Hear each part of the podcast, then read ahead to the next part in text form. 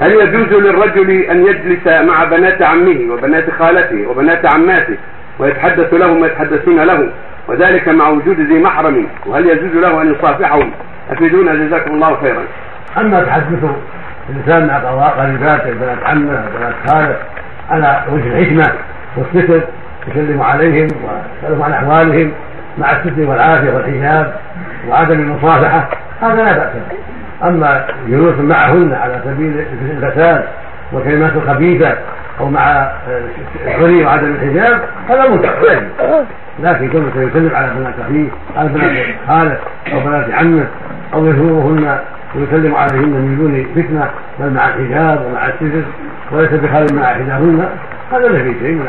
من عهد الرسول صلى الله عليه وسلم هذا. نعم قمت باستخدام صبر يا ناس صبر نعم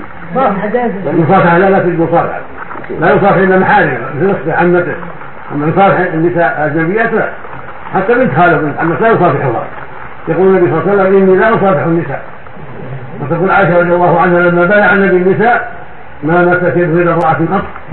ما كان يبايعهن إلا بالكلام عليه الصلاة والسلام اللهم صل وسلم على محمد كبار السن يا شيخ نعم كبار السن النساء ولا كبار السن لا كل ساقطة لا لا لا يصافح نعم